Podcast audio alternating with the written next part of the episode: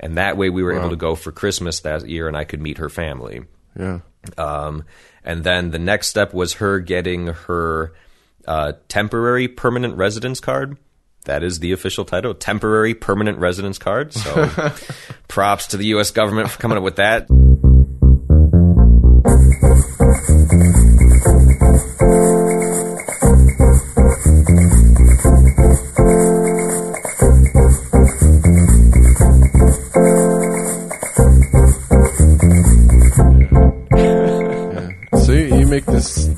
Trek out to to Warsaw quite a bit, yeah, or, or recently at least. Yeah, this is like Um, the second time I've seen you in what Yeah, this Was- is was that a week time ago, in or- a, in a month. Yeah, two weeks ago.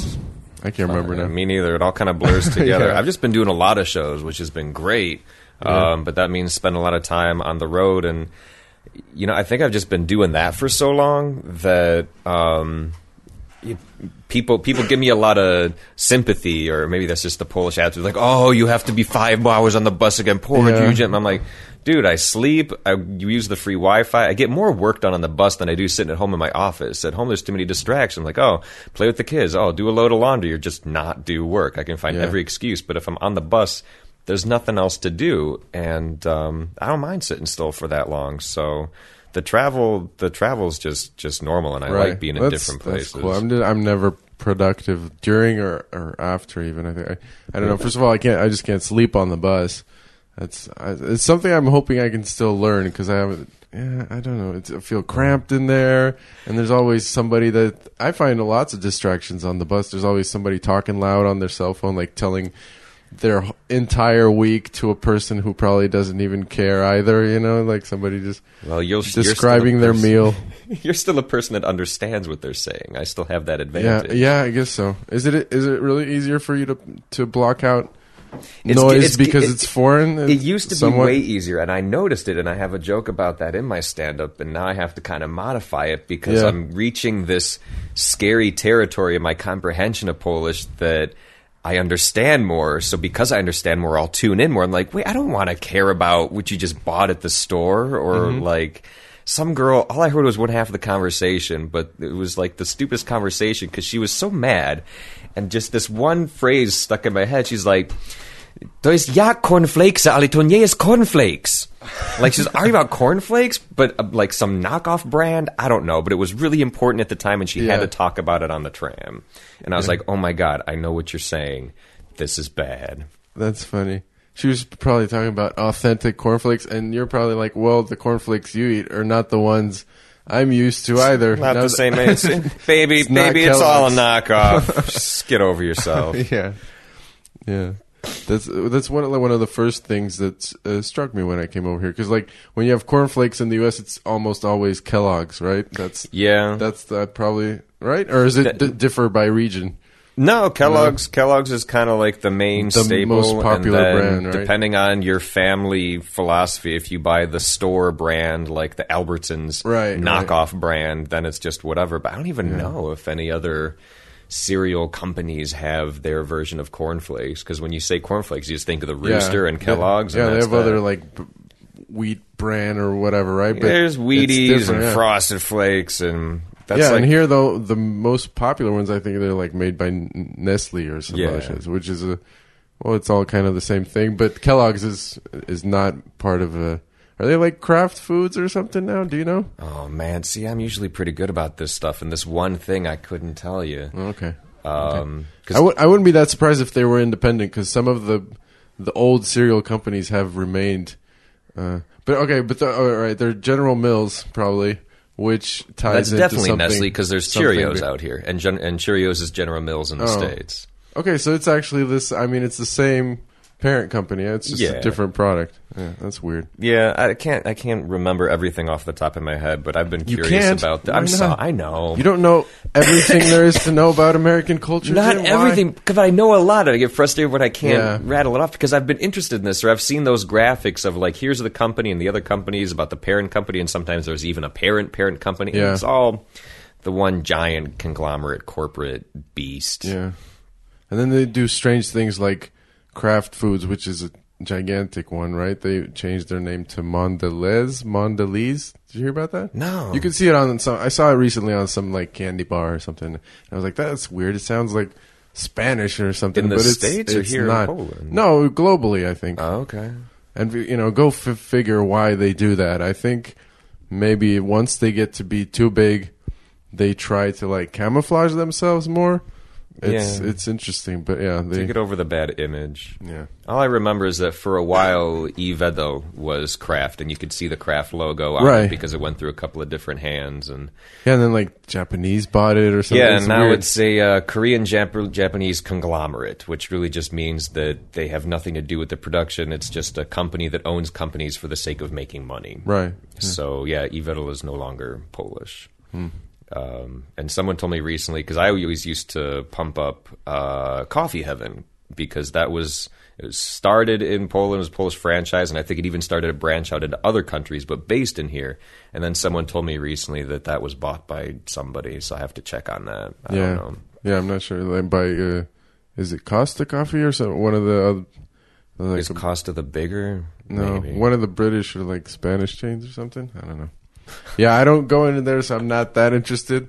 But that, yeah, that's it's kind of it's good to know because some people I don't know how many people do that consciously to like choose the Polish uh, chain over Starbucks or something. But Not not enough, and I don't know how much it matters. I just like to stay informed. Yeah. Like, just to know that uh, even if you're making the wrong decision, at least it, it's an informed decision. You know, it's Exactly. Based, it's based on some kind of facts. I like to know when I'm making shitty decisions.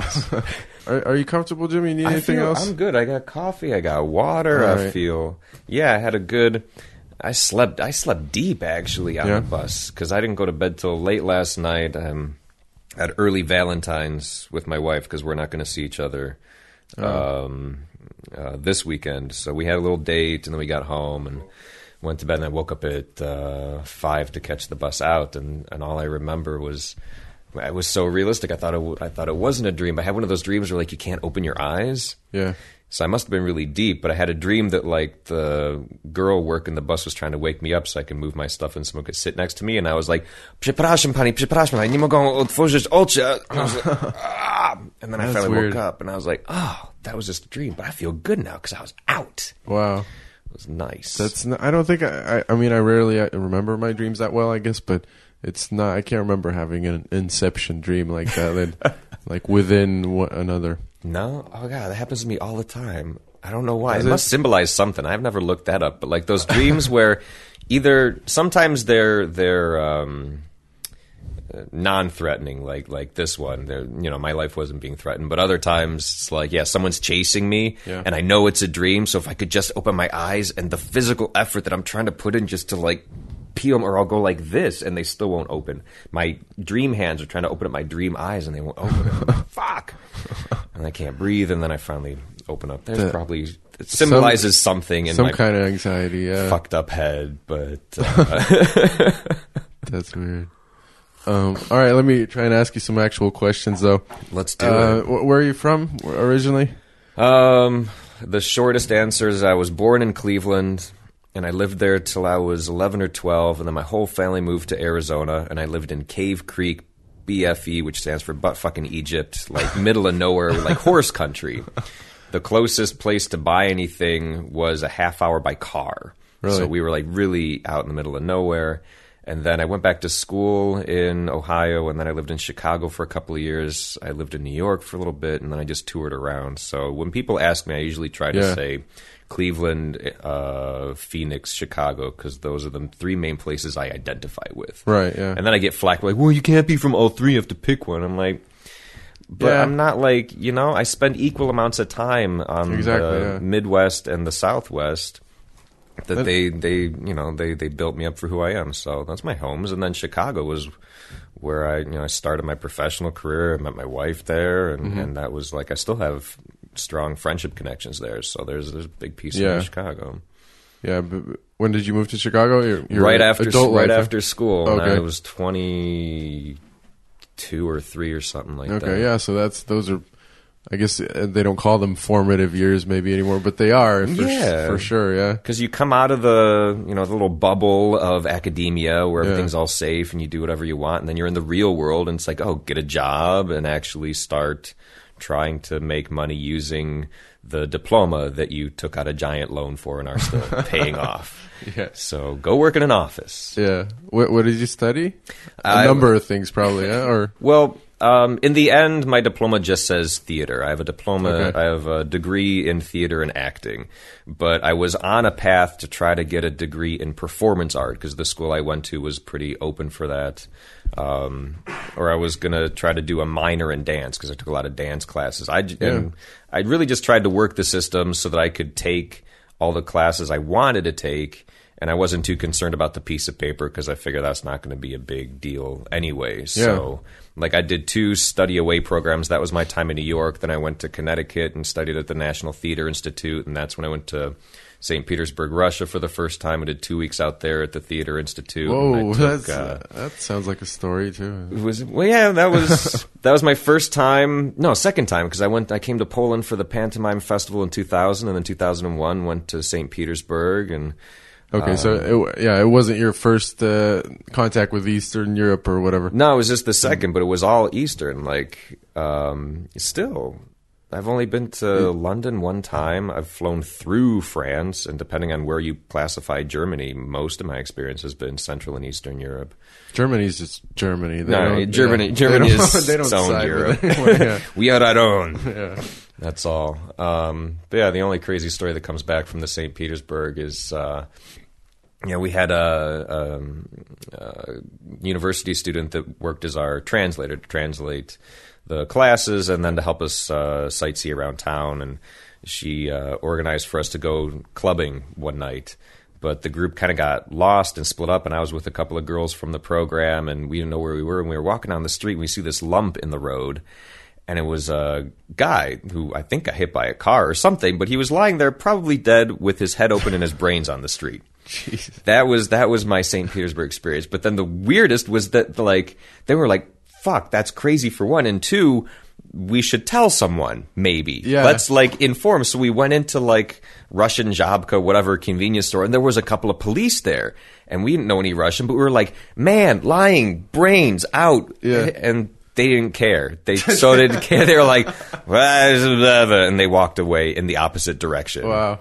And then we finally made it to the club and drank ourselves silly just because we were like, okay, that's apparently Russia. I don't know. this is fucked up. Yeah, that's insane. That's like even the fact that you see a, a dead man uh, without people around him or like any kind of I don't know police tape or something or No, bystanders like being like what the fuck Yeah, somehow he wound Yeah. up there, and whoever was else involved in that left, and anyone else walking down the street didn't seem to care. Just us, you know, soft pussy Americans were like, "Oh, the poor man. We actually care because we have emotions." Wanted to do something, nothing. So that always comes to my mind when I think of St. Petersburg. I mean, it's also a beautiful place with great art, and I saw many things, and I Sure, saw yeah. good shows. But first thing is like, oh, dead man in the street. yeah it's uh, kind of hard to to erase that image you know especially being one of the first things maybe you see so uh, let's maybe quickly get out of the way like why you're here I mean you have a family now a yeah, I got a family now, two, but two daughters yes? Yep, you know it. Thank you. Um, but I'll yeah.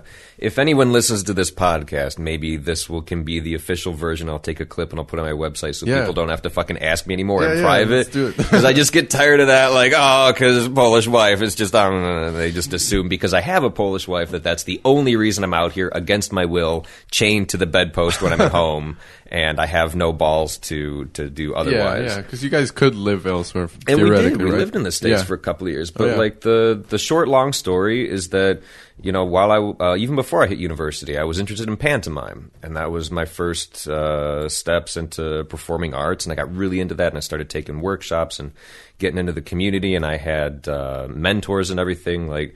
Uh, teachers that took me under their wing, and they were professionals touring around, and I'd go see their shows whenever I could. Uh, and then I became part of a pantomime company, and we went to Poland to Warsaw for a theatrical pantomime festival in 2000. So I met a lot of Polish pantomimes there, and I discovered that there's just a big dialogue between Polish pantomimes of the Tomaszewski school and the American pantomimes, more of Marceau and American style. Right. Um, so I had a lot of Polish pantomime friends, and there's this workshop that used to exist in Columbus, Ohio, every summer, three weeks for professionals. And one year, uh, my future wife came to the the school, but she flew through Chicago. And I was living in Chicago, and we get this call one day from like, you know, Rick Weimer, one of my uh, one of the teachers, and he say, I call you, and we maybe you can drive me and my friend to to the the workshop because we had a car. So we pick her up from South Side Chicago, and shook her hand, and that was already like some kind of like weird buzz. Like I don't believe at love at first sight, but I definitely believe in like, what the hell. That was the main thought, and then you know within within a couple of weeks we were we were inseparable, and then after mime school she still had time left on her visa. And um, uh, wanted to like explore, but I was like, "Do you just want to like come to Chicago and hang out with me for some more time?" And she was okay, and I made space in my closet, and then we spent more time, and we postponed her return flight, and we postponed her return flight again, Yeah. until we couldn't do that anymore, and then we couldn't uh, extend her visa, and we looked at all the options, like I don't know, a student visa, or I ran a, a theatrical production company at the time, so I'm like, oh, maybe Right. get you a work visa and make you officially work for us. That'd be cool. No. Uh, then we heard about the lottery. There's some like they just give away visas for the lottery. Yeah, So we found a guy that won the lottery, and we're like, give us advice. He's like. It's a lottery. Yeah. You either win it or you don't. I can't tell you anything. There's no pattern. Yeah, Not supposed so, to be. So it was just there just kind of came a moment in our lives that yeah we had only known each other for about um, a month or two, but we felt so strongly about being with each other that it was kind of like a put up or shut up time. Like we didn't Yeah. get married so that she could stay in the states. We got married so that she could stay with me because we knew if she got on that plane. Who knows, you know, trying to do Right. a long distance thing. Um, so that was the start, and then we uh, we toured the U.S. That was like our microwave getting to know you um, uh, tour because I had the year before I had done this uh, school assembly tour. Like you perform in gymnasiums for middle schoolers, high schoolers, elementary schoolers, and we had an edutainment show called Science Now, where I was a crazy professor and she was my clown assistant, and we taught science. We actually like did weird science experience, but with an element of comedy. But that meant three shows a day, five days a week. So you wake up at like four or five in the morning, drive to the first show, set up, do the show, break down, eat lunch in the car, drive to the second show, do the show, set up, break down, drive another six hours to the next state sometimes, get a hotel, sleep for a few hours, um, wake up and do the whole thing again. So it was only us for six months. And like halfway through, we just like we were sick of looking at each other and Yeah. had like go sit in the car for a while. But that also helped bond us and tie us together. Yeah.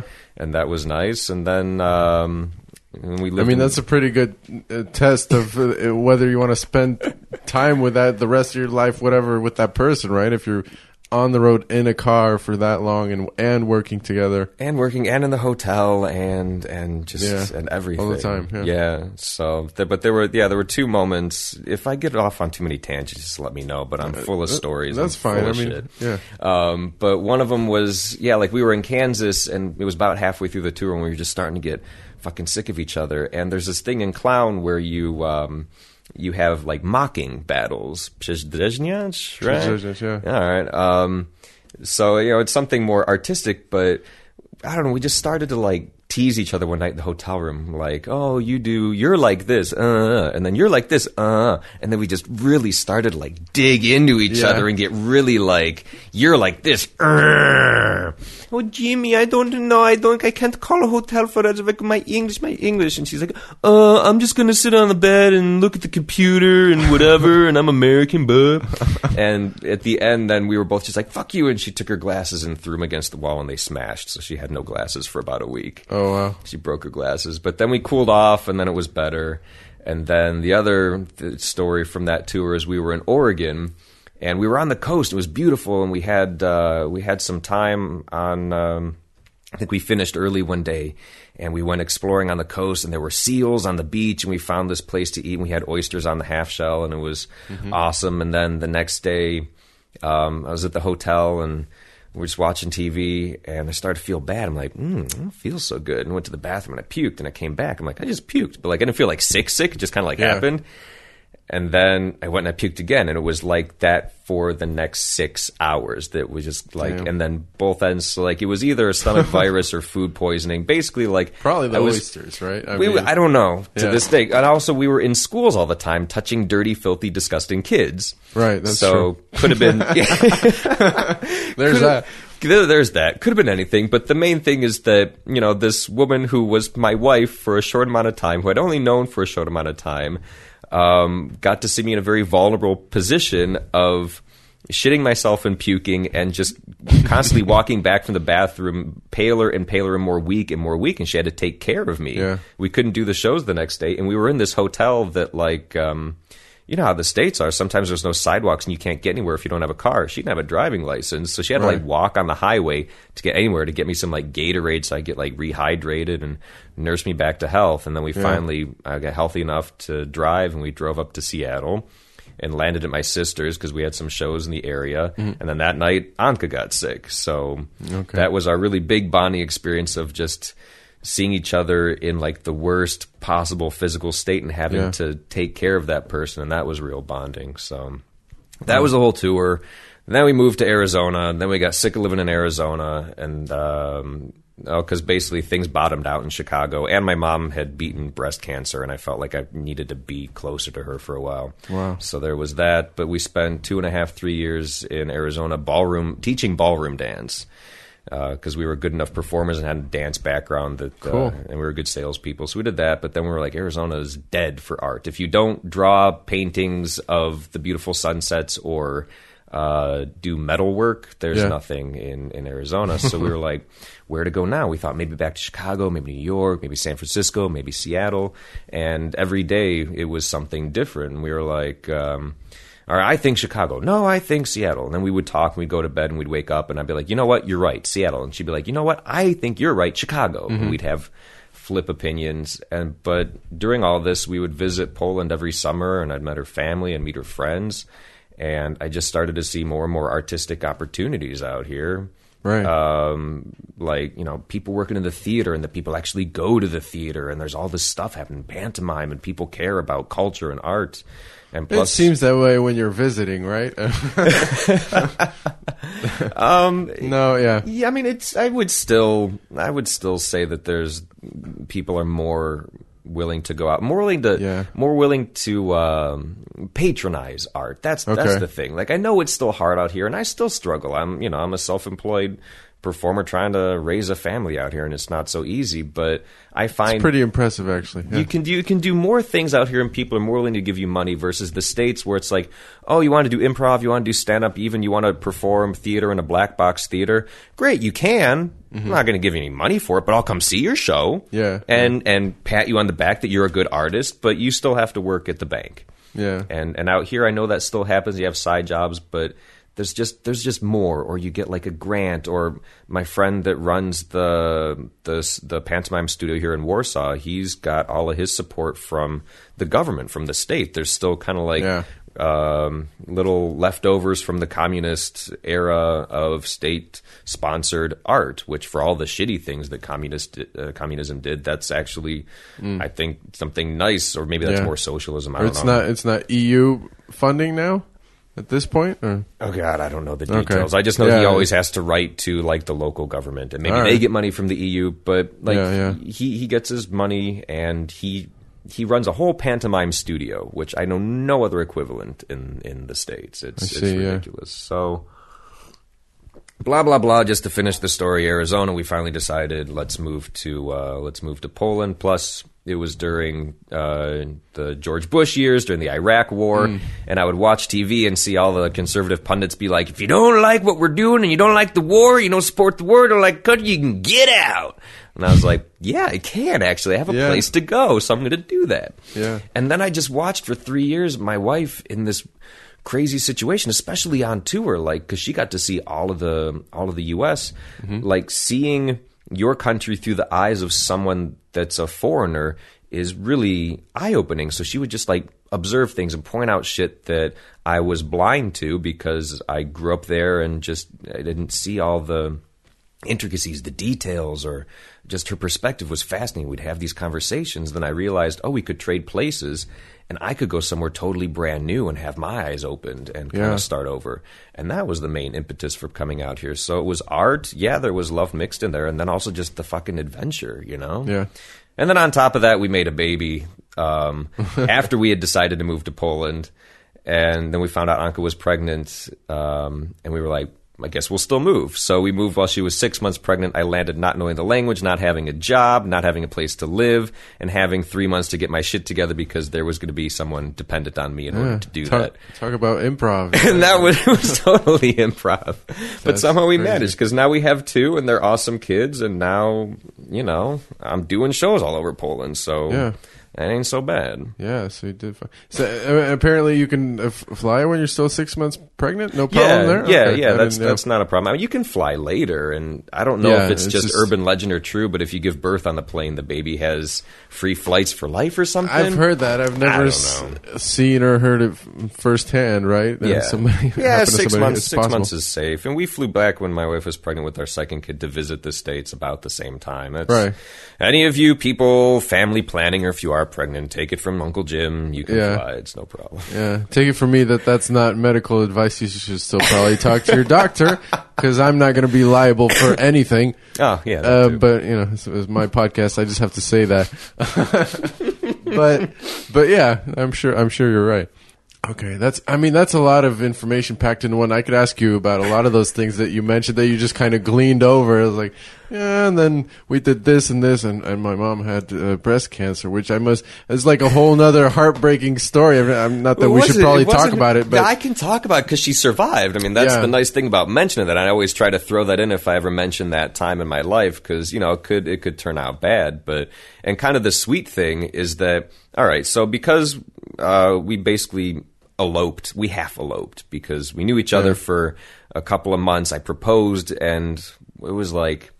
Not I feel even- like I should. I mean, I, I know we're at this point. It's probably too late, but we, I feel like I should explain what elope means. I don't Oh. know why. It just seems Uh, elope is like to go away to f- marry w- without your parents' approval or something. Yeah, right or, ju- Basically, or just to get married without a family ceremony Right, yeah. like on your own so Okay. that's that's elope um, so yeah we, we didn't know each other i proposed and then uh, the ceremony was within a month and so of course her parents couldn't come because that's not enough time to organize visa travel and anything for poor Polish people trying to get into the States. So they were all blocked and all her friends. So she had no one from her side of the family. And then I called my parents and my mom, who's uh, she's a, a romantic at heart, and she's like, "I'm coming." But this was after she had just had surgery to remove the the cancer, and she had like drainage tubes and shit. And the doctor was like, "Technically, you can, but like." Probably not a good idea. And she's like, "I'm going," and she just like did. And she, She, she was out. in Chicago and you guys were where? She was she no, we were in Chicago and she Oh, was in Arizona. Okay, sorry, my, my bad. That's all right. I know it gets too complicated story of my life, but basically like slightly against doctor's orders and soon after beating cancer's ass, my mom flew out so that she could be at her son's wedding cuz Yeah. to marry a woman that they met one or two days before the actual ceremony Right. and we're like, "Yeah, you seem cool. Let's do this. Great. Why not?" Sure. Yeah. So so that was all right. But Well, that's they have faith in you, I guess, which you know counts for. I think I think I just broke them. I mean, I'm the uh, I'm the third of four kids, and um, my one of my older sisters was a wild child, so she kind of wore my parents down. That by the time I Uh-huh. came of adult age, they were like, just just like don't kill anybody and don't go to prison and everything else. It's probably okay. It's probably okay. yeah, lower expectations. That was all right. Yeah, yeah, yeah, yeah, yeah. There are a lot of. Uh, I guess you have you have jokes about that. Yeah, uh, that a lot of kids in your family. Oh yeah. You're all sisters, right? I have, well, I have two older sisters and a younger okay. brother, but the I'm I'm surrounded by women Okay, in my life. the- this is this is normal because it's like if you start to to trace, my mom was one of seven kids, uh, four of them girls, three of them boys, and then a lot of them had girls. Um, uh, her mom, my grandmother, had more sisters Yeah. than brothers. So, like, when I finally did the math, I grew up with yeah, thirteen aunts. Yeah. and there were some uncles around, but like this is true. A lot of them died when I was a kid. Yeah. and I make the morbid joke of like, hmm, I wonder why. It's for varying reasons, you know, heart attack here and a stroke there, or, or whatever. But it was just like. yeah, but all cardiovascular disease, like, just like, like they couldn't. related they- to stress. Yeah. they just like couldn't hang with the sheer amount of estrogen floating around the family gatherings. They just like couldn't take because a lot of the women in my family are also alpha females, like very strong-minded, strong women that tend to bring men into the family. Like, okay, yes, whatever, um, and I just fucking grew up with that. So I, yeah, I say I'm a. I have an honorary vagina. I'm just a born feminist. I have to. And then, yeah, I met my wife who has one sister who also has two daughters. So my wife's dad has two daughters. And he was raised by his mom, his aunt, and his older sister because his dad got sent off to the war and never came back. So, Oh. like, that's another weird kismet thing that that uh, my father-in-law and I share, and it just like Yeah. it just keeps going. There's women connections Right. nonstop. Yeah, and you have two daughters, right? yeah, Yeah. yeah, How old are they? Five and seven. Okay. Awesome age. It's just because they're not babies anymore. They're Yeah. like little people, and uh, we can actually have fun and do stuff. Yeah, and conversations and stuff. Yeah. definitely. Uh, your wife got. Uh, um, how did she manage to get permission to stay in the states?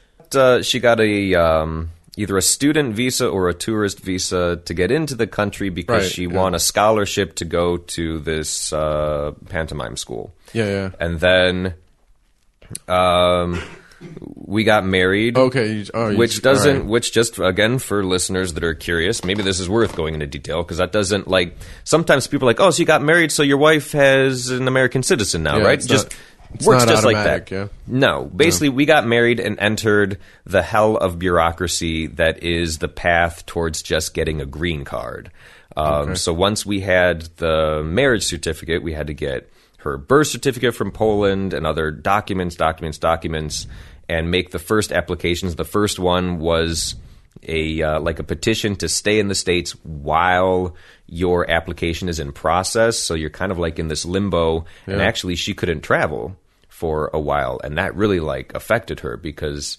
not like we could afford to or she wanted to, but just knowing that you can't. Yeah, She's yeah, like, I, like so I can't go to my own country, and if I do, we have to like start all over and lose all that money. But Yeah. then you apply for this special form, special permission to travel abroad while you're in the process of, and that way we were able to go for Christmas that year, and I could meet her family. Yeah, Um, and then the next step was her getting her uh, temporary permanent residence card. That is the official title, temporary permanent residence card. So, props to the U.S. government for coming up with that stupid ass thing. Um, and then eventually she got her green card, but through through the marriage. Okay. Um, but that's how, how long did that process take? it- about. I think we did it in about two years. wow, um, and it was it was a lot of forms. It was a lot of um, you know, like after we completed this tour, because we had our roommate checking the mail and everything, and and he uh, called us one day saying that Anka got this letter in the mail uh, that told her to report to like a service center in Chicago because her fingerprints had expired.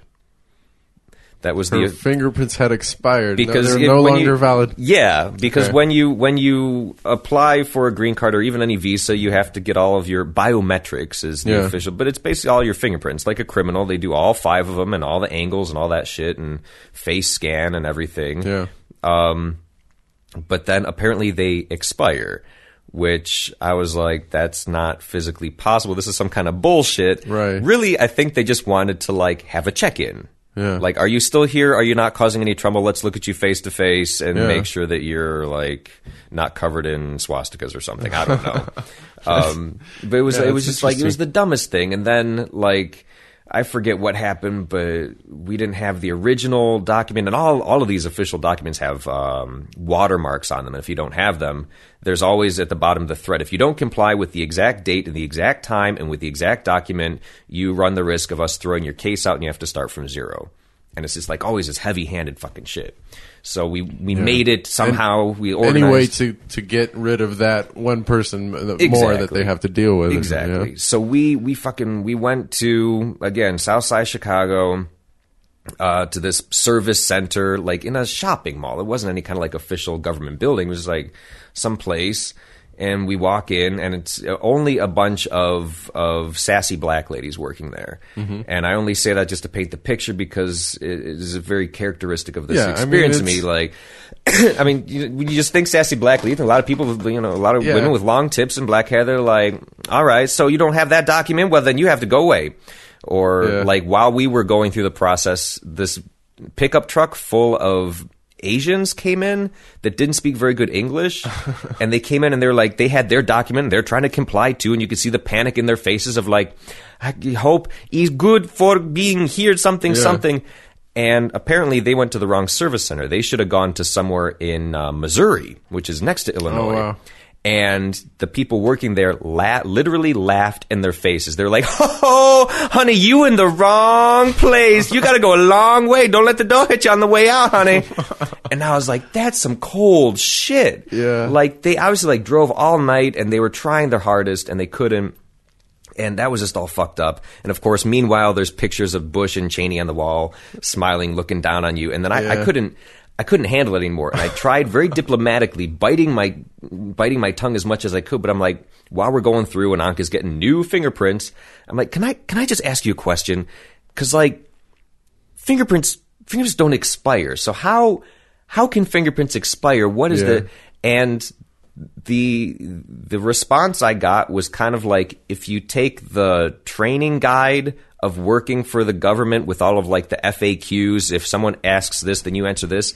It's like if the woman would have eaten that and then just vomited out the answer because it was literally like, well, your fingerprints expire because 9-11 and then you can change the way you conduct yourself in the world, you commit a crime and then 9-11 and then your fingerprints expire yeah. and I'm not really paraphrasing that much. It was really that jumbled of 9 11, you commit a crime, change the way you conduct yourself, and fingerprints expire.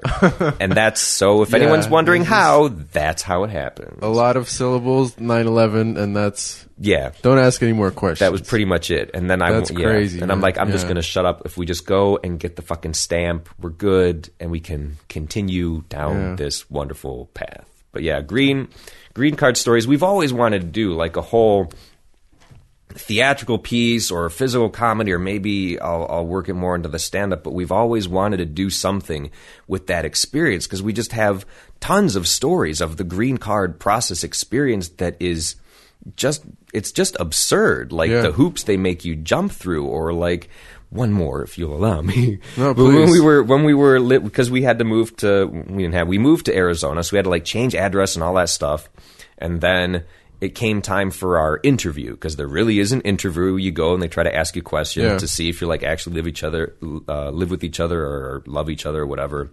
And um, the first thing is you have to surrender all of your cell phone any kind of devices because no recording devices in this special place. And then we go to the waiting area and it's just one door and every once in a while like they tell you again be here at this date at this time or else we could throw out your case. So we got there at like seven in the morning punctually we're there. But of course they don't have to comply with that. They just tell you to be well, there. So yeah. you know they'll see you they open the door um john or ramirez whatever because there's a lot of hispanic people there. No okay great. And they go in and you just have to wait there. But the mind fuck thing is that you just have to sit there. Oh, and you can't bring any outside water or food. Oh, seriously? For whatever reason, I couldn't get any explanation for that. But you can't have, you can't eat, can't drink. Um, there's a water fountain because in the states, you know, there's public water fountains. Yeah, a lot of places. But it was out of the waiting room and down the corridor next to the bathrooms. So if you wanted to get a sip of water, you would run the risk of having them go, Williams, no, fuck them. yeah. and that was it. And I'm like, this is like, I couldn't even be that pissed at it because I'm like, this is really, you guys have thought this through to the detail of how, how far up your asshole can we really just like cram it to, to make you our bitch. And that's, and That's that's it. crazy. Want a sip of water? Want to go to the bathroom around Yeah, the well, corner? you better be quick about it. Yeah. Yeah, yeah, it was it was it was ridiculous. So, green card stories. Someday you will see on on billboards that we're doing some big green card performance because Yeah. something has to happen artistically. Yeah. Um, all right, getting back to comedy a little bit. Because no, this is I don't want to interrupt you because this is all interesting stuff to me. But uh, I do. Yeah, I do. This is a comedy podcast. and Yeah, yeah. Just get me started on anything. And So, I- uh, all right. I guess now the question I think of is not directly, but is how do you directly tied to it? How do you not know Polish yet, Jim? Fuck, I know. I, I went to the U.S. I learned that shit in like two. Took me two, three years. I was all talking that English. No, I'm I'm teasing you. I know, I 'cause know, I know. I'm just trying to think of a witty way to respond because at, this point to jest normalnie, że ja muszę mówić po polsku, bo demonstrować, nie wiem, robić przykład, że, Tak. że dam radę, mówię po polsku, nieperfekcyjny i, i jeszcze muszę uczyć się dalej, ale dam radę i, i oczywiście mogę mówić lepsze po 7 lat, mieszkać tutaj e, i, i mogą iść do no- normalnie szkoły językowe i konkretnie uczy się, uczy się, ale to nie jest mój styl i, i też jest, e, jest inne sytuacje. E, jeśli e, jesteś Polak i iść do, do e, w Stanach, e, jest mniejszy ludzi, którzy mówi po polsku. A, a, a tutaj ludzi mówię angielsku i też ludzie są dumni, że ludzi mówię po, po angielsku, że oh, I, yes, I speak English. We just speak English. It's no problem because I want to show you how well I speak English. And they want to help me, you know? So, so that made it hard in the beginning too, of like, even when I would try, especially like some of those early stages of development in my language, it would just be, and understandably, too painful for a Polish person's ear. They're like, you know what? I see that my English is shitty, but not as shitty as your Polish, so let's just speak English because it'll move things along faster. So I, Yeah. you know, I didn't have to. It was less of a sink or swim situation, which is why, of course, yeah. um, like, uh, um, I'm still proud to say that even though I don't speak the best, um, I speak better than a lot of my American friends that have been out here 10, 15 years and have barely picked up the language because they're like, well, I can say please, thank you, and, you know, whatever. It's, I, young people speak English. If they don't speak English, then I'll go somewhere else. But Yeah, no, you're you are a, a, a, a great exception to the to the fact that most uh, most uh, yeah most that I know, I guess I don't know that many English speaking foreigners here, but most of them do not really pick up Polish, and and it's exactly how how you said it. Yeah, I mean, I never had. Almost never. I mean, I, when I first went to Chicago when I was little, there was like one Polish kid in my class, which obviously helped me a bit.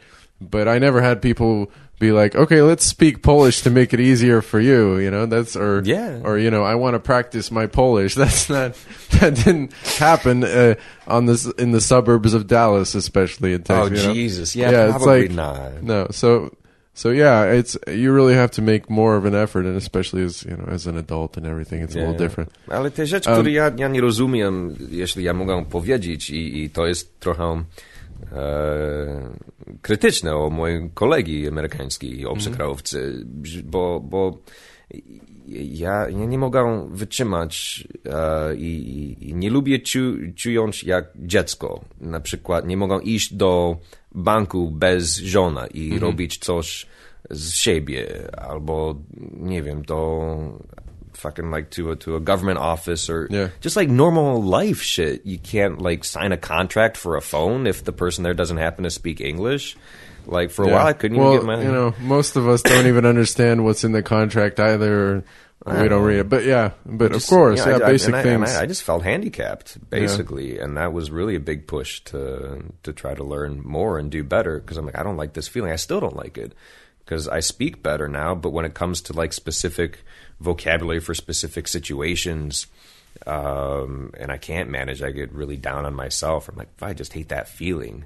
yeah. Um, yeah, I, I I think I can can relate. Yeah, and and you're you're and you perform in both languages, which is also impressive. Like I mean, yeah, if if if I had learned English the way you did. I'm not. No, I'm not. I'm not putting you down. I'm just saying, like, if I had to learn English as like kind of an extra thing, you know, because you could, like you said, you could pretty much. Maybe it wouldn't be great, but you could function without it. Yeah, you could definitely yeah. get by without it.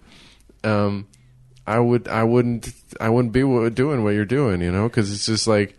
It's it's it's hard for because you don't really you don't think in Polish or are Not yet. yeah not yet Little snippets. Little Yeah, snippets is yeah. all I get right now. But no, I still I still think in English. Okay, so I guess maybe we could go straight to. I wanted to ask you kind of a workshop question to Go change it up it. a little bit because All of it. I don't talk about it that much. Is like, uh, you know, I know it's a stupid question to say like what inspires you, but how do you go about writing jokes? Can you maybe describe that process a little bit? Oh, yeah. and, and and Polish jokes as well, yeah, because like I'm sure a lot of that is is translation. It's, it's- Yeah, yeah. I mean, the what got me into stand up in the first place was just being out here for so long, having these crazy observations, talking about them so much, and they kind of turned into jokes themselves. It was all just Yeah. based on my experience. So I really started hard with that. Um, So it was like riffing off off stage before you even started writing, yeah? Or, yeah, yeah, like like my whole stick about uh, about bathroom doors and balcony doors, like that was all genuine frustration. Yeah. Like like this is why people seriously this is fucking stupid. Yeah. and then I would just mention it so much at parties that it kind of got distilled down to an actual joke, and then I I gave it some I gave it some form. Yeah. but it's mostly just observations, and I'm still kind of in that zone of. Um, going off of my experience as a stranger in a strange land, which I'm I'm I'm trying not to use it as a crutch now. We're trying not to like pigeonhole myself, and I'm Yeah. trying to make more general observations about life or culture or like having kids or something that's a bit more universal. Because I feel like I could get stuck uh, just talking about you know, American and Poland type of stuff, Yeah. and then not everybody can relate to that or not everybody's interested. Um, so that's so that's one thing but that's and and my first my first ways of writing was to basically get a seed of an idea and I would just take the dictaphone and I'd go into a room by myself and I would just speak out loud for hours on end trying to find the right way to say it and then cutting out and say it in a shorter way and say it in a better way and in a hmm. different way. And I didn't do a whole lot of like written text, looking at it and then editing from there. Like if I really got a, a sentence or a phrase that I knew was like the way I wanted to say it, then I'd write that down and, mm-hmm. and, and, and mark that. But the rest was just um, kind of getting a feel for the bullet points and then going out there Yeah. and, and saying it. Because I, you know, I, I I- I've been a performer for longer. I was Right. you know, doing other things, but just being on stage was never the first thing for me to get over. Was just changing forms. Yeah. Um, and then from having all these things to say about Poland, and I knew I was only connecting with the Polish, uh, with the English speaking Polish audience. And I wanted to communicate to the Polish speaking Polish audience about all things, ways that I see their country. And plus, somewhere it dawned on me that that would be a great way to learn To learn Polish, sure. because like when I was teaching more English, that was always my my thing with my students. I'm like, let's talk about something they actually care about because then even if you get frustrated, you're more motivated to look up a word so you can get your point across. But if we're talking about like the weather or some stupid business English, it's a lot easier to zone out. So Yeah. I'm like, I have these concrete ideas. All right, I'm going to sit down. I'm going to get these words. I'm going to um, make my wife suffer at night after the kids go to bed, where I uh, try to say what I want to say as best as I can say it, and then she'll feed me words or we'll correct the grammar just enough. And then after the tenth time of her hearing it, she'll she would fall asleep during rehearsal. Which was not so motivating, and then, um, and I tried also to just like translate it straight. Kind of, and I the first couple of times I did stand up in Polish, it was more like trying to do it Shakespeare. I'm like, if I keep the emotion and just say the words, that'll work. But people smelled that that was inauthentic, and Yeah. the language was too perfect and that's why like I'll come to you or or or someone else now sometimes with my shittily translated text or I'll be like take it in English and make something and then I'll look at that and see if I need to undo anything but you know just getting Yeah, outside yeah. help now which uh which is fun to make it more common language or so. Yeah, to not Yeah. dress it up too too Exactly, literary or something. Exactly. Right? Like I just try to get over that line where I'm comprehensible because because I um I know if you don't understand what I'm saying, then you can't even get the joke. And if you have to think too hard, then people get sick of watching me on stage. But I also know the value in saying things in childish, shitty Polish. Like Yeah. it's fun for Polish people to hear how I murder the language. Yeah. And I don't remember if I've asked you this and if we're of the same generation, but Yakov Smirnoff. It's funny. I found out found out late about him. Like when I was a kid, I don't think anybody mentioned him to me, even though he was popular like mostly in the, in the late '80s or something. Mm-hmm, Okay, so I, I you know I came to the U.S. in 90, 1990, so he was probably his career was Yeah, pretty much like, over by that point. just missed it. But like I remember being in Seattle and somebody mentioned it to me, and and I think it wasn't until then, like you know, not that many years ago, when I found out about there was this guy that had this Yeah. tired joke that he would repeat about, uh, you know. Well, you see it. You still see it in YouTube comments and stuff, right? Like in Russia, uh, plane flies you, or yeah, whatever. He- yeah, yeah. That was his whole shtick. He he came from Soviet Russia. He came to the states. He was already a performer in Russia, so it was kind of the same bag. But he had a thick accent, and all of his material was based on America. What a country! He Mm-hmm. would say, or yeah, in Soviet Russia, car drives you, or something, and Yeah. you know, making these cultural observations and and doing stuff like that. That. I didn't intend to do that, but once I was already on the path, I realized maybe that was some kind of subconscious inspiration. Like, Yeah. oh fuck, I'm an American Yakov Smirnoff now, or maybe more so Balki Bartokomous, which no, Perfect Him- Strangers, made ah 80s, maybe early 90s American sitcom based in Chicago.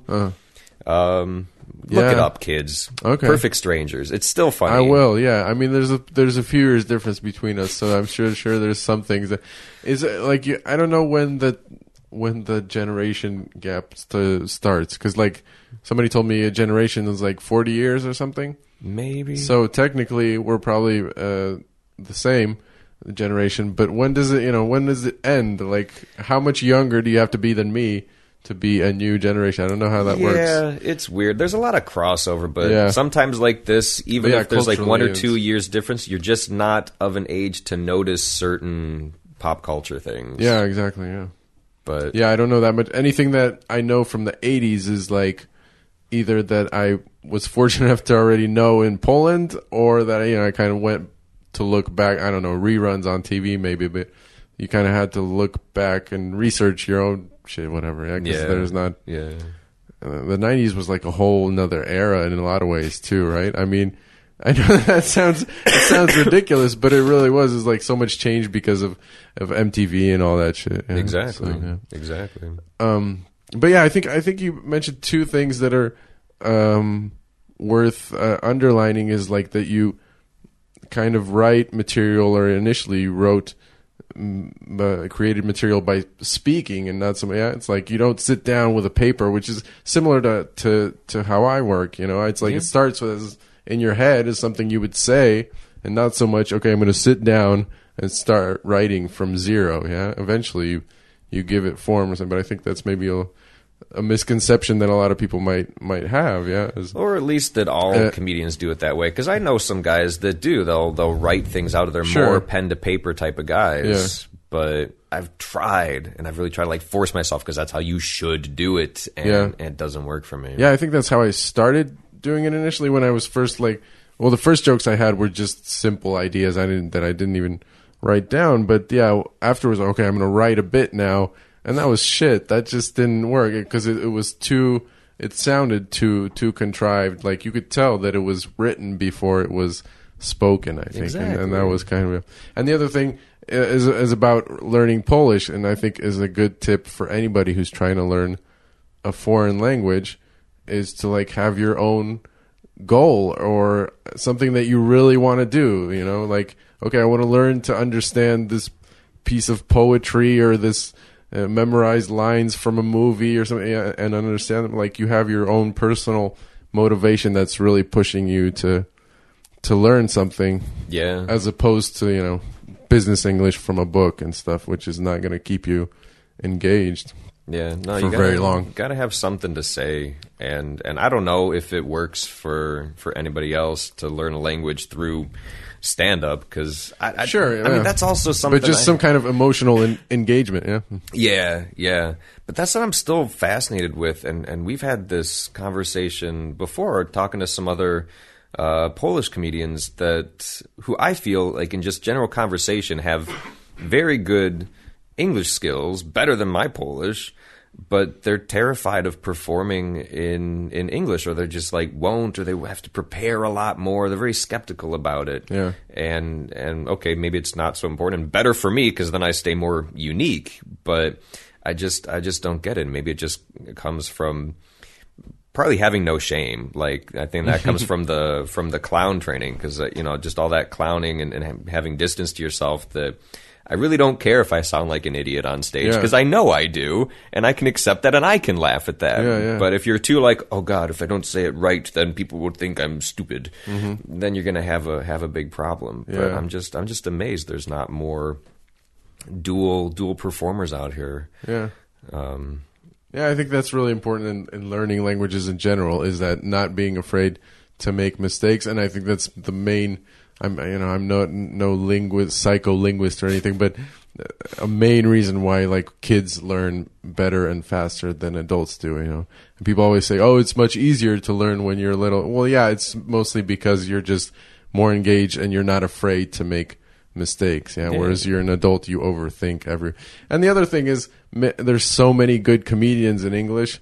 You know, so those Polish people that are maybe initially already afraid to kind of speak English in every day, then they have to get on stage and maybe kind of be compared to to uh, uh, you know really good English comedians now or in the past. You know, uh, uh, that just occurred to me Huh. now. I'm not sure, but you know, it's kind of like you know even idiots who've never seen half a stand-up show live, they know about Carlin and Bill Hicks or something. You know, and they keep comparing like every single Joe comedian to those guys. So I th- I think maybe s- some of those people in the back of their mind are thinking, you know, I'm performing in the language of uh, Shakespeare and all these other fucks. So and, and they feel Uh, and they feel closer. there's more pressure. Maybe I they don't feel know. Closer to the pillars if they're in their own language.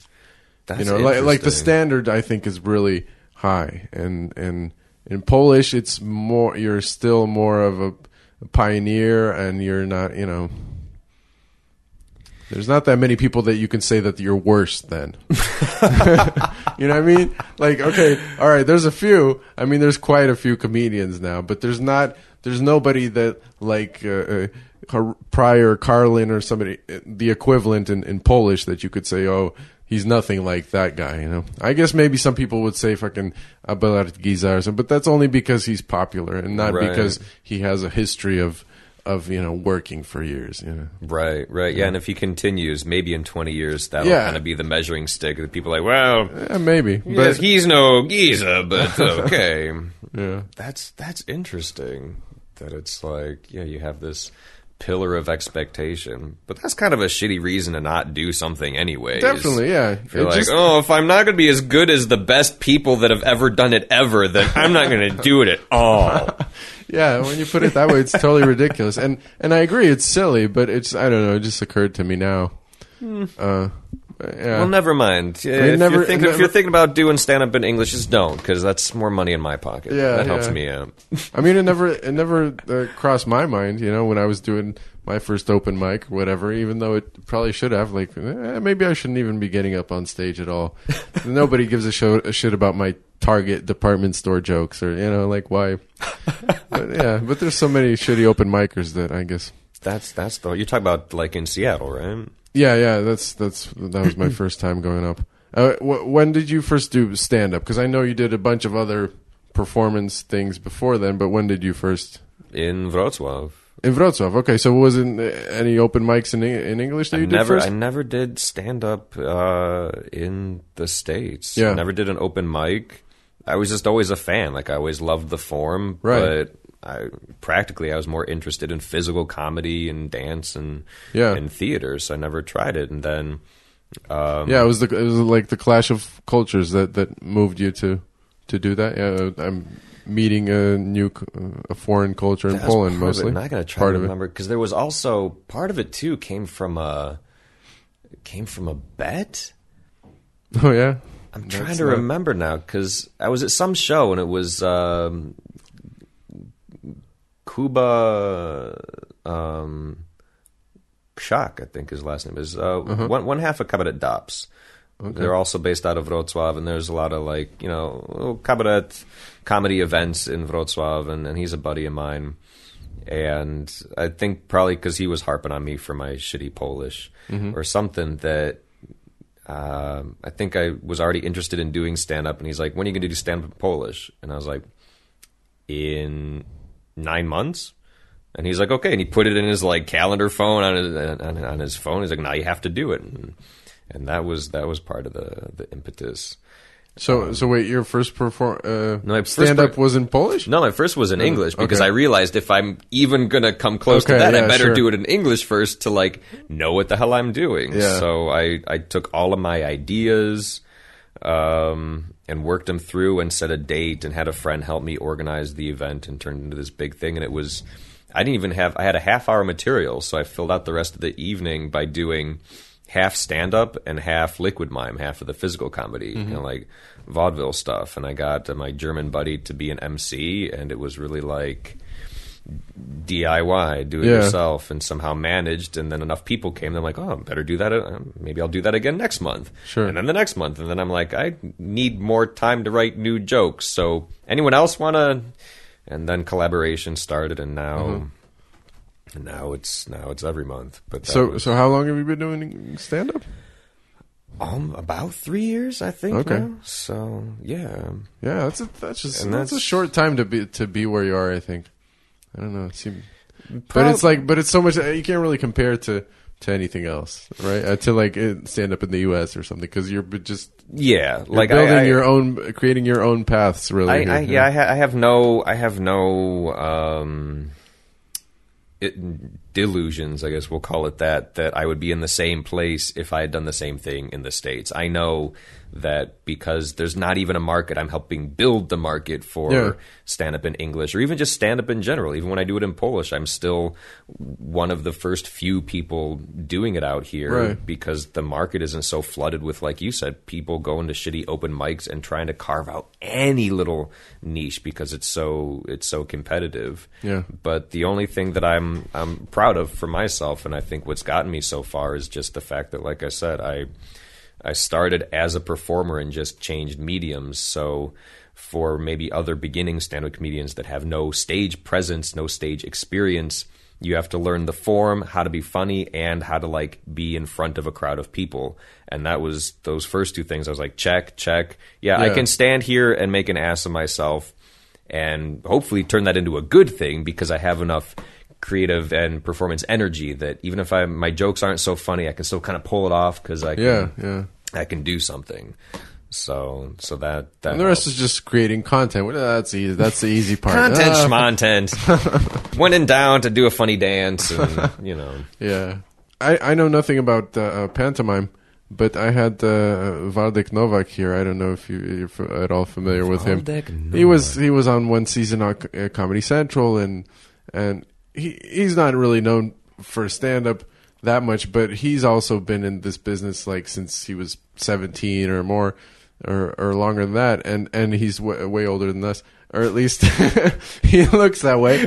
But yeah, no, but yeah, but he was talking about a little bit about pantomime, and you mentioned something about uh, uh, two different like approaches or schools from in Poland and in the U.S. and and you mentioned the the guy Marceau, yeah, the yeah first- yeah. So the there was like an obvious differentiation, or was it a lack of exposure to With, to without different? without getting too nerdy about it, because I could go on. This would not be interesting. Maybe my life stories and comedy would be interesting for an audience, but I don't think the whole history of pantomime. But basically, um, uh, most of if you ever see a pantomime in the states, it's mostly based off of the French style, which Okay. was started by a guy named Etienne Decroux back in whatever long time ago, and Marcel Marceau, like uh, one of the biggest names, the most famous pantomime, was a student of his, um, and made that form popular. But because of the divide in Europe, there was no real dialogue. And coincidentally, parallel in Poland, uh, Henryk Tomaszewski was also developing a silent form of uh, physical theater. Uh, right. But the styles were very different. So, like French is more ballet and lyrical and light, and and go figure. The Polish version is very grounded and heavy, and all of the movements like um, if if you see any Polish pantomime uh, performance, usually all of the actors are just like physically ripped Yeah. because of the weight that they do everything, and and they get themselves into these like. Um, asymmetrical positions and in really uncomfortable like basically the theory is if it hurts it probably looks good on stage. So you get yourself in these really contorted positions and balance on one leg and all this crazy stuff. And then even the acting style too is just like heavy stuff. Yeah. and in in the French pantomime, it's more symmetrical. Your left side does something similar or complements your right side, and uh-huh. it can still be dramatic and and sad, but there's not this like I don't know how else to say it, but you watch a performance and you just feel this like weight, or it's kind of comparable to like those big Soviet era era statues you see around. Um, uh, Platz or Sala Kongresowa here in Warsaw, you know, like Yeah, yeah. the workers with the big hands and Yeah, the the big chiseled muscles and right yeah. like that's that's totally in the polish style of pantomime That's interesting. Yeah. So okay, you do pantomime. You do, you have your own uh, liquid mime show that you do with with your wife. Yeah. Yeah. You uh, you do some improv as well. yeah just started to again because improv is booming in poland Yeah. and i have the same hunger as i did with stand up of like watching watching the whole industry explode and being like well fuck if everyone else is doing it Yeah. i can too because i did improv in college man like yeah. i know this and, and less competition if we do it so we have a little group now that we do it in english and from time to time i'll be a guest in my wife's improv group improkracja for those of you that are in wrocław Yeah. um, and i'll be a special guest and try to improv in polish too which I manage and I do more physical stuff, but it's not something I could do all the time. I think people get sick of that. Yeah, sure. Um, I just I, I I love the form, and it helps in, inform everything else I do because it really helps you think on your feet, be open to situations and propositions, and and it just be more more spontaneous. Yeah. So yeah. Um, and that works into the the physical comedy. Like what we do with Liquid Mime is not strictly pantomime. Actually, we're kind of black sheep in that too. Like sometimes we apply to pantomime festivals, and they're like, "No, because you make sound effects." Because I wear a microport and I do Right. some like Umbilical Brothers type stuff, and that disqualifies us from the purest mimes that are like, can be no sound, so Right. you are not mimes. But then other forms of art are like, no, you're not this, you're that, and Sure, yeah. you know, so it's a, just a conglomeration of stuff. So it's clown, it's physical comedy, sound effects. I do a little beatboxing, and it's like we just try to make a live action cartoon. Is is the main thing. Right. So And that- yeah, and you do charity work on top of that, or like well, it's not it's not as- charity work. Okay, no, Um, all right.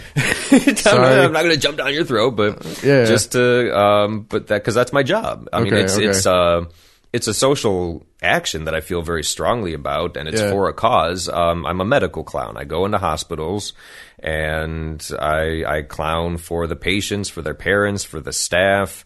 Uh, for basically anyone that is in the hospital, but I had to go through extensive training uh, to do that. And the organization I work with is called Czerwone Noski, which is under the larger umbrella of Red Noses International that exists in 10 other uh, European countries, plus Palestine, plus New Zealand. Um, and the way we try to describe our work is that we're an artistic organization with a social miss- mission rather than being a social organization with an artistic mission because uh, maybe some people are more familiar with Dr. Clown.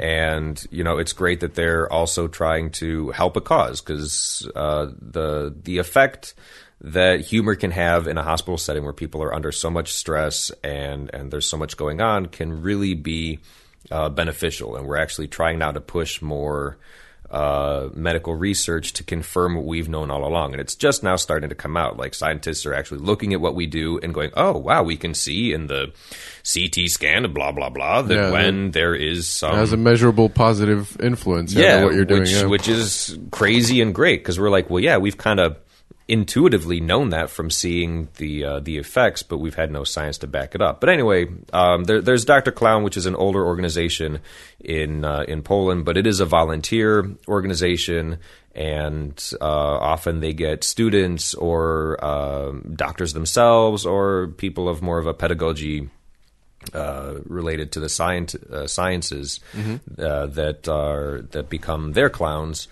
Uh, but the whole thing with Czerwone and Red Noses is that uh, we're artists first, and we try to maintain the highest level of artistry and professionalism. Because we're paid, that means we have to be there every week, and we're held accountable for that. And um, it, it it's it's a job, so we Yeah, have yeah. uh, you know constant constant training and and just trying to maintain the highest quality of, of excellence to, to do this thing. But it's yeah, that's that's my dream job. If we had five hours, I would talk just about Czerwone Noski. Um, because Yeah. that's it's just fucking it's just fucking awesome. I don't know how else to say it. Like you can It's you can the- you can okay. see the effect often immediately, and you get yourself in these because you never know what's going to happen. Every day is different, and even if you have a plan, it's going to be something else. And uh, like you just I don't know I don't know. Um, trying to think any kind of quick anecdotes because Yeah. there's just so much now. Because I do it uh, at least once a week. We just started a program in And you travel a lot with that as well, yeah? Yeah, Or- that's or- more just my position because I'm the deputy artistic Okay. director. So, um, also because this is something that I did back in the states when I was in Chicago. I was part of Big Apple Circus Clown Care Unit, uh, which is a similar organization, taking Uh-huh. the best artists of Chicago and sending them to the hospital to get freaky with with all the people there. um, so yeah, I've, I've been in Poznan because we're starting a program out there, and I had to train all the new clowns. Sometimes I'll go to Krakow either for coaching or to to cover another day for one of the clowns that can't make it.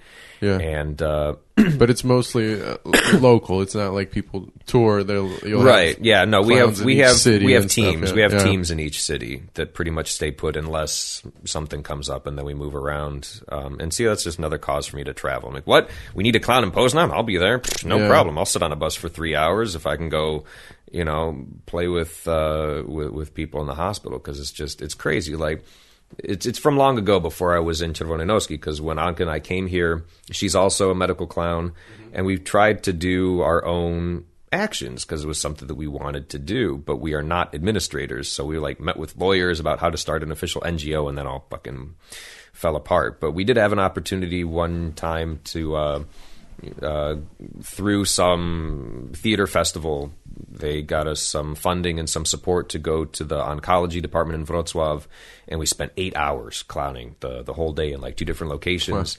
And there was this one, there was this one room. Um, it was kind of like half outpatient, half inpatient. There was um, a boy after chemo who had no hair, and a girl after chemo. She had no hair, and she was going home. So she was all happy when we started to play with her. And the boy was there lying on his side, and he just looked like he was in pain, and he ignored us, and he didn't want any interaction. We tried to, like, you know, connect with him somehow, and he was just having none of it, and he was qu- complaining and crying. And so we kind of tried to just focus on the girl, but always have our peripheral vision open to if there would be any kind of window for connection there. And, Yeah. you know, playing with the girl, playing with the girl, and the boy finally started to get interested, and then.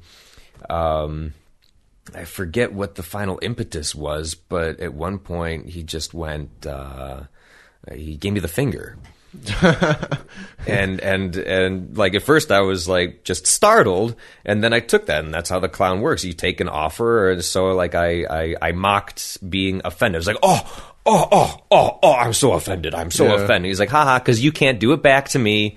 Because he knew, he said that too in Polish. And That's then funny. he just started to say all the swear words he know in Eng- he know he knew in English. So he was like, "Fuck you, shit, fuck, shit, fuck you, fuck, fuck, fuck." But you can't say the same because Yeah. you're you can't. And and we just turned we like basically just gave this kid some outlet to just vent his shit because Yeah. who you know it's not an easy pleasant situation to be like a five year old with fucking cancer Yeah. you know and and and to be told you're going to get an IV right now whether you like it or not you're going to have to do this and you have to do that so they get very little choice and we just try to empower them as much as possible Right. and be kind of under them as as much That's as we can kind yeah, that's impressive.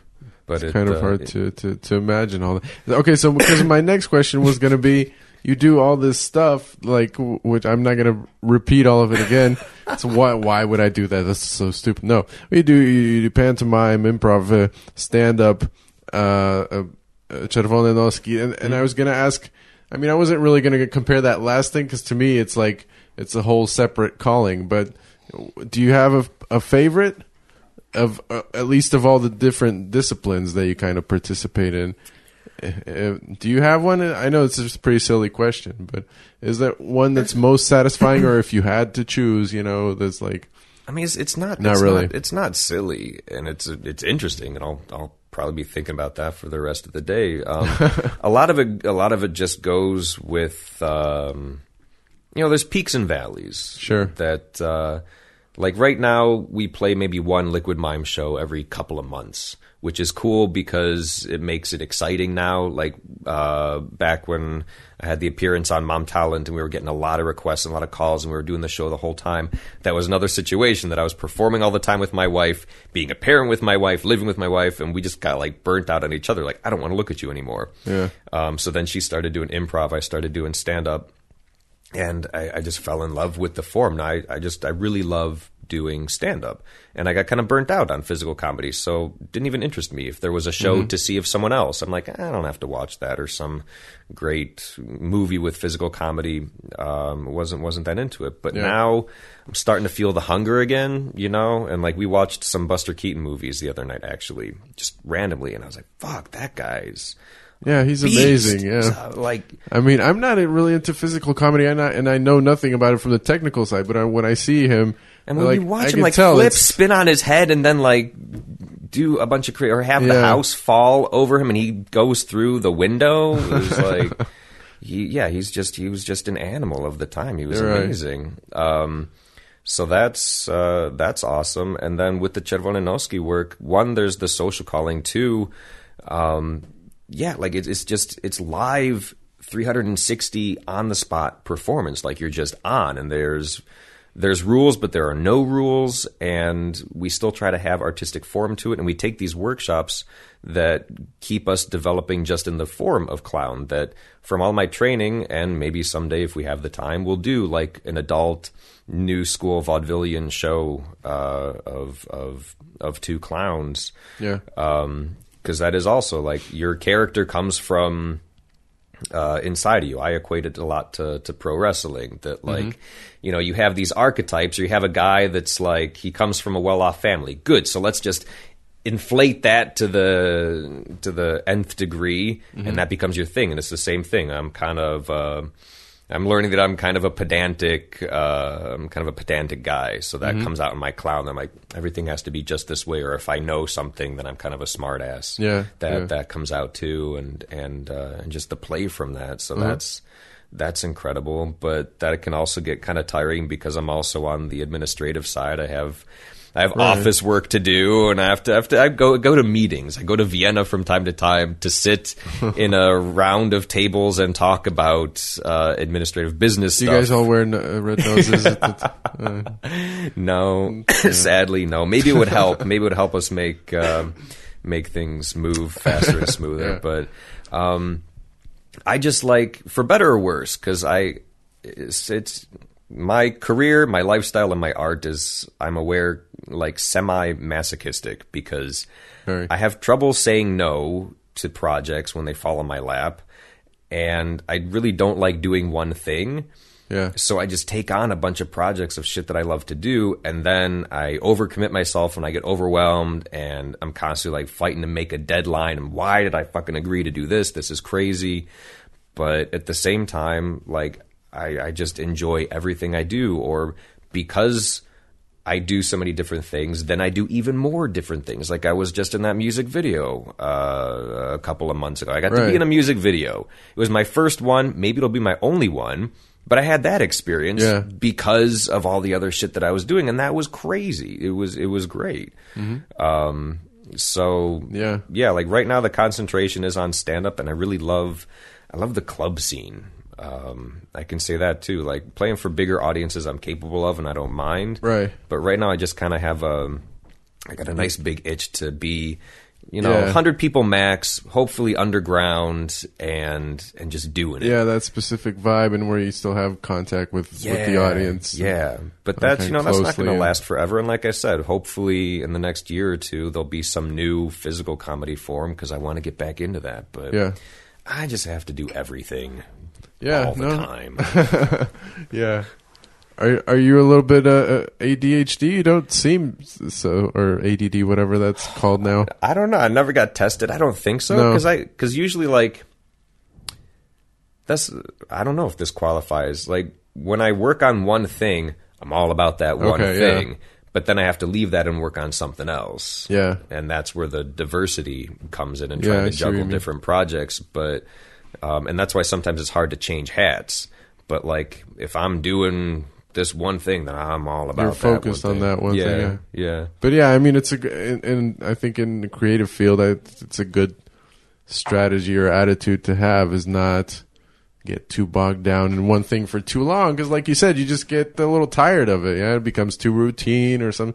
Yeah. Take a break, do something else, and you got different energy going. You burnout. and then maybe you can, you know, try that other thing with a with a new approach or whatever, with just a and it, and it take a breath, right? Yeah, and it all informs everything else. Like Yeah. I, I enjoy being a rounded performer, and maybe I'm not a master of anything, and plenty of people can claim to be better than me in any of the one things that I do if they do that that one thing. But just that, yeah. I just I feel like I give a more deep performance and I have a deeper experience because I bring an element of clown into stand up. I bring a little bit of stand up into the physical comedy. I bring a little bit of this into that and it Yeah. all it all works together. Yeah, people respond well to you, and I think I think people usually when they see your stand up, they usually like you, which is I kind of envy that. You know, it's like it's like because I just I would.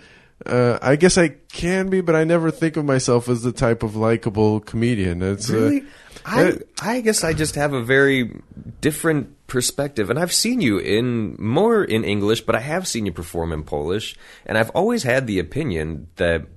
I mean, I don't know. I can't. I don't know about your your persona or your person on stage, Yeah, whether yeah. that's likable, but your presence on stage.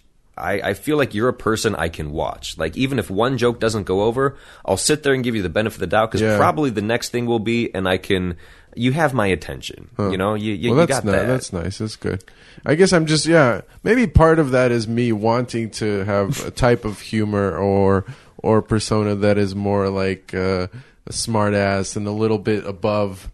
And uh, yeah, and when that doesn't fly, then then, then they don't like you because obviously because you're trying because you're trying to be a dick and be better, and it's not working, right? You're not funny, so then they yeah they and really maybe don't. that's where the self distance comes in. Like even Yeah, if but- I try to be better, I know that ultimately I'm I'm not. Especially if I'm saying anything in in Polish, and I, I it's all an act. Yeah, yeah. Well, then you have to have humility if you're kind of embarrassing yourself by making mistakes or whatever. Yeah. Yeah, which sounds ridiculous for someone that calls himself famous Jim Williams to say, but it's all just been a joke all along anyway. I'm like, that's that, that, that Yeah. you know, with the asterisk, not actually famous. Right. Is the whole that's that's just a joke in and of itself. Yeah, sure. Yeah, because because Jim Will.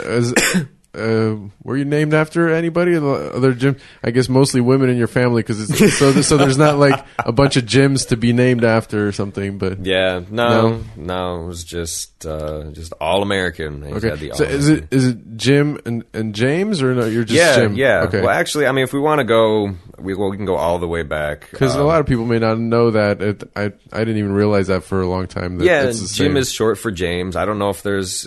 Uh, I've had a lot of conversations about what the equivalent is for Polish names, and the closest is uh, Jakub Kuba, which is more Jacob. But I guess if you trace the linguistic roots of those two names, it's the same.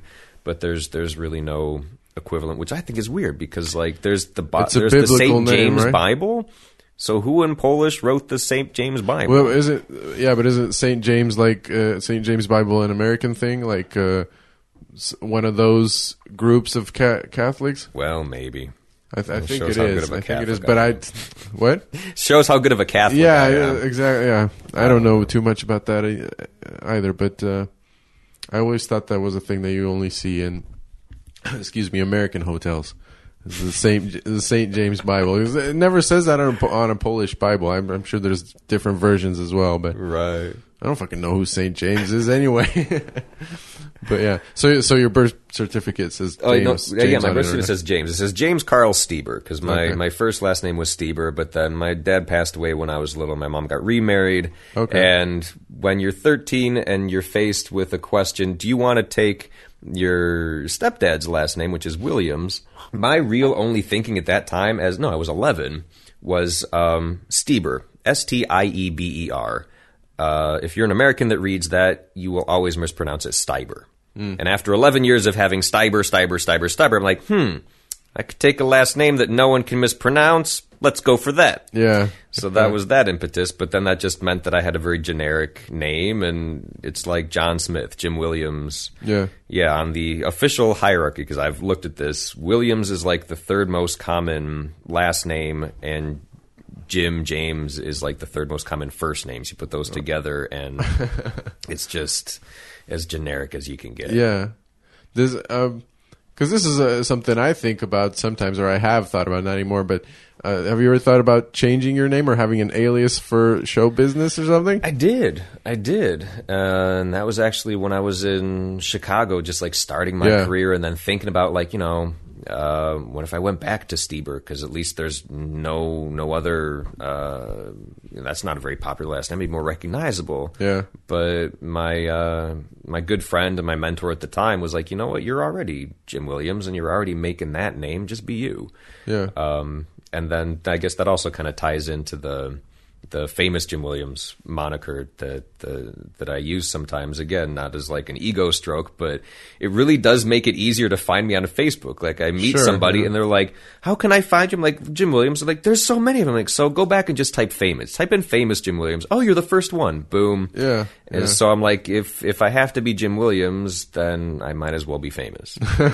I think was the the thought there. Yeah, But yeah. I know. yeah, Yeah, and, and at this point you wouldn't do it probably cuz you you have you're recognizable now at least in Poland, right? And so yeah, yeah, and you, yeah, sometimes you just work with what you got, and Sure. yeah, Gavo maybe is not the most easy name, but god damn it, I haven't met any other stand-uppers in Poland yet named Gavo. Yeah, me So, neither. boom, me neither. Although I'm always surprised, and it's happened a number of times where people tell me like, "Oh, you're the second or even third Gavo that I've met." I'm like, "Really?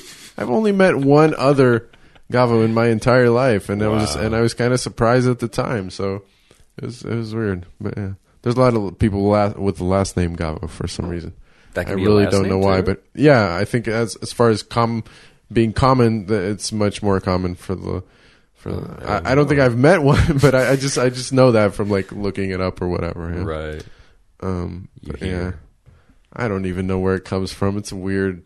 I still think it might be from the little children's poem, yeah. But uh, fuck if I know. Somebody just had. At least you're not Sense Jimmy of humor. Crack Corn, and I don't care. Jimmy Crack Corn, I don't care. Jimmy Crack Corn, I don't care. That But it's all- yeah, but it's not like people in the U.S. make fun of you for being named Jim, right? I mean, Yeah, yeah. they do. Oh God, come on! That yeah, Jimmy Crack Corn and I don't care. Um, there's some other song that's oh Jimmy Jimmy or something, Uh-huh. and then uh, Slim Jim, Okay. which no one in Poland will know, but it's a beef sausage treat that Yeah. Macho Man Randy Savage used to be the spokesman for, but snap into a Slim Jim. So. Yeah. Especially because I'm skinny, I always was like, "Oh, Slim Jim, Slim Jim." That Yeah, I guess I guess you're right. Just kids, especially, will think of they'll think of any anything. fucking thing Yeah. that they can make funny. Yeah, Jimbo, I was Jimbo in high school, for better or worse. That Yeah. was not my favorite. My friends, like, they meant it in a nice way. Like, oh, Jimbo. I'm like, okay, I always wondered where where the hell that comes from. I just I don't know making making it two syllables to kind of bounce it off the tongue easier. I don't know where with Jimbo. They don't do that with any other name, do they? No, there's no, can't- Timbo. There's no Kimbo. Well, Right. Actually, there Kimbo Slice, the MMA fighter. Yeah, that's true. But that's it. It's But yeah, it's me. It's me and Kimbo Slice. Jimbo and Kimbo. Maybe That'd be a great comedy duo. Yeah, I should like- call him up. That's what I was just thinking. Like, is he still trying to do MMA? Because maybe he'd be into you know improv or something. Or we could do like you know, comedy and cage fighting. yeah. Which is uh, when I first saw Kimbo Slice backyard fighting video. To me, it kind of was comedy. So I was like, uh, I don't know. There's an element that you that you de- you would definitely have that uh, that kind of irony hipster vibe pos- potential there. I mean, you could definitely go for that. and he could Uh, explore new artistic territory. Do you know where he's from, by the way? I was just Is wondering. he from? um I want to say Detroit. oh, okay. because I've been watching for whatever stupid reason. I've been watching MMA Yeah. lately and some Kimbo Slice videos. And when they announce from, I think he's from Michigan, from Detroit, Michigan. Yeah. I think. Yeah. You been to Detroit? Oh yeah, Yeah. yeah. And I mean, it was some years ago, um, and actually lived in a suburb for a summer of Detroit. Oh, I was- wow. I stayed with a friend, and I worked at a restaurant, like just you know, in between college semesters. Where I, Right. I don't want to go back home, I'll go here. I had a friend, um, but Detroit, Detroit, at least at the time that I was there and that I've traveled through and done shows for uh, school age children, I can see why the city tried to burn itself down on numerous occasions. Like, Yeah. there's just something in the air at this point of like, we just need to like wipe it out Yeah. and start from scratch. Like, burn it down. This is, it's harsh. That's crazy. Um, I don't know if it's still like that, and I'm sure not all parts of Detroit are. Uh, there's still the Detroit Symphony Orchestra that's very world renowned, and right. I want to. Yeah, I don't want to hate on any Detroiters. Just Yeah, I mean, that's a the lot of good stuff, music and all that came out of there. Oh, know? Oh yeah, I mean I'm a giant Yeah, Eminem that's- fan, and he wouldn't be Eminem if he didn't grow up in Detroit. Yeah, right? probably not. Yeah, is it? Is it a? It's not really a punchline for jokes or anything. Like Łódź or Radom might be in in Poland, right? It's not that kind of. People don't make fun of Detroit, do they? It's more like a sympathy thing, right? Where the, Yeah, I think you're right. Mm-hmm. No, and that's yeah, that's usually not like the the butt of the joke. Cleveland is, and that's something from being from Cleveland because all of our sports teams suck. Or Uh-huh. one time before I was born, the lake caught on fire because it was so polluted. so Cleveland is called the mistake by the lake. That happens to rhyme. okay, But usually, it's usually like the southern states that get the most flack. You're like, that's the armpit of America. yeah. Do, does Cleveland, uh, does Ohio have a specific accent or something like a dialect? to it, or- Actually, no, um, no, not I- identifiable to, anyway to most. for the for the most part, and this is this is actually factually uh, true, is that that kind of like Midwest region, Cleveland, Ohio, parts of Wisconsin and, and Michigan um, have what's called the non-accent accent because it's the most neutral. So a lot of newscasters you will find in various parts of the country are originally from that part of the country because they can communicate in a very neutral way Yeah. because like you won't hear in my voice a lot of um, the only thing that's characteristic about Cleveland that like I hear from my family and I go back is very nasal and like the A is very like my older sister shows like where's my panties I can't find my panties I can't find him it just totally goes up in your nose and and uh, Wisconsin Right. I can't do a good Wisconsin but they have their own little thing but They do, yeah. in kind of like in the center of all of that region is just kind of like we just speak English that is with no characteristic whatsoever. Right. It's nothing like like Philly or something. Oh yeah, no, no, Which is sometimes too bad because then you don't have like this real strong characteristic accent. And I get jealous of people that are like boom, ba dang, dang, dang, and this is actually how I talk. no, that's like interesting. you know? yeah, yeah. or why I love it when people speak. I, I'm just I'm infatuated with with non-native speakers of English. I love accents, and. I think it just sounds cooler. Like part of working with the with the Red Noses is because there's all these partner countries. I'll go to a meeting or I'll go to a, a workshop, and there's Czechs and Croatians and Slovakians and Slovenians and Germans, and like all these mix of cultures. And we're all speaking English, and just ah, I could swim in their accents. They just all sound amazing how they how they have just a different way of saying stuff and maybe you Yeah. can be self-conscious you're like, oh that's not exactly how you but Sure. it's just you know it's it gives a spice i like the Uh-huh. spice Well, that's yeah. That's that's a good attitude to. Oh fuck! It's snowing like crazy. Mm. That's insane. oh that's gonna be fun It's a good attitude to have because most Americans will probably say like, Are "You all sound Russian" or something.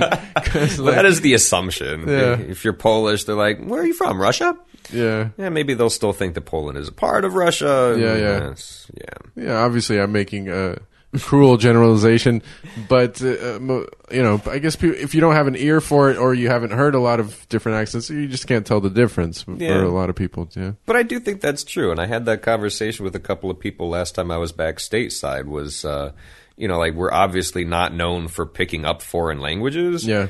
But a lot of Americans have uh, uh, accent envy. Like you meet someone from another country that's speaking English, and they're in the states, like, ah, you just talk so cool. Why can't I talk like you? I just Right. talk like normal American American. Yeah. So we would rather, instead of learning a foreign language, we would rather just learn the accent and still speak English like with a Russian accent. Yeah. And we'd be like, that's kind of like a foreign language, and now I sound cool. Yeah.